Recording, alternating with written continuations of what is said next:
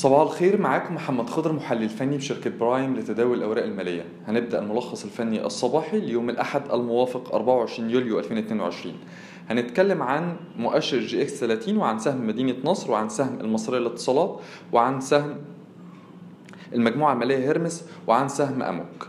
وهنتكلم عن مؤشر EGX 70 بالنسبة للجزء الأول من اجتماعنا الصباحي واللي هنتكلم فيه عن مؤشر EGX 30 خلال تعاملات جلسة الخميس اخترق مؤشر EGX 30 مستوى المقاومة عند 9200 هو كده مستويات المقاومة التالية ليه هتكون 9400 ثم 9600 ولكن إحنا شايفين إن الارتفاع الأخير بالنسبة لمؤشر جي إكس 70 واللي بدأ من 8600 لحد دلوقتي هو مجرد موجة ارتداد في دورة الاتجاه الهابط على المدى القصير متوسط الأجل.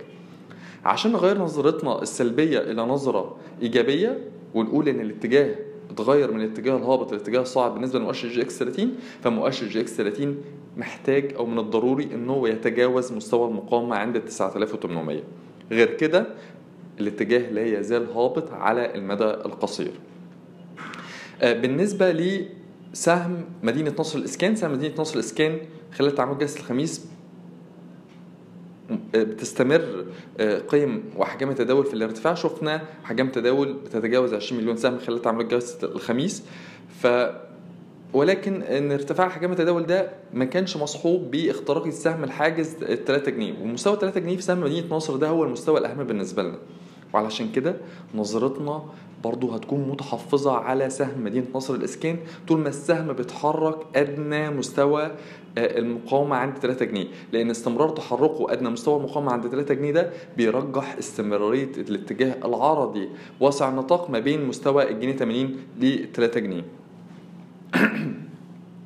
تاني حاجة نتكلم عنها وهو سهم المجموعة المالية هرمس. مجموعة مالية هرمس كان أداء إيجابي خلال تعاملات جلسة الخميس إلا إن إحنا شايفين إن الارتفاع الأخير بالنسبة لسهم المجموعة المالية هرمس مجرد موجة ارتداد ممكن تستمر لمستويات المقاومة أو لمنطقة المقاومة بين ال 12 جنيه 12 جنيه ونص ولكن إحنا شايفين إن من الضروري إن إحنا نستغل موجة الارتداد في سهم المجموعة على هرمس في تخفيف المراكز الشرائية ليه؟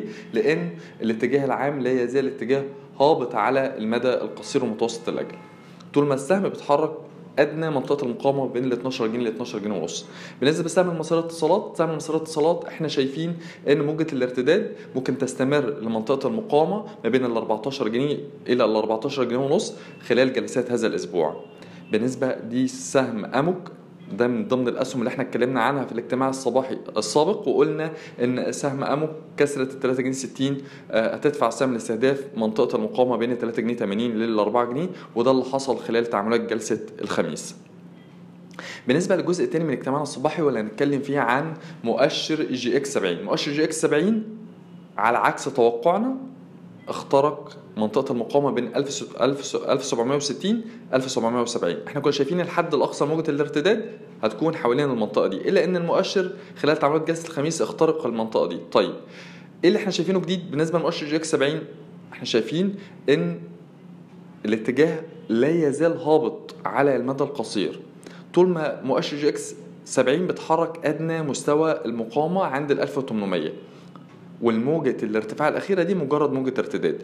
وقلنا في أكتر من اجتماع صباحي إن في العديد من مكونات مؤشر EGX 70 بتتحرك في اتجاه عرضي مغاير لاتجاه الهابط لمؤشر EGX 70 طيب لو اخترق مؤشر EGX 70 مستوى المقاومة ال 1800 هتتغير نظرتنا السلبية لمؤشر EGX 70 إلى الاتجاه العرضي. الاتجاه العرضي هيتحقق إذا كسر مؤشر جيك 70 مستوى المقاومة عند ال 1800 وليس للاتجاه الصاعد. يبقى إحنا بنقرر تاني إن الاتجاه الهابط هيتغير في مؤشر جيك 70 للاتجاه العرضي إذا اخترق مؤشر جيك 70 حاجز ال 1800 شكرا.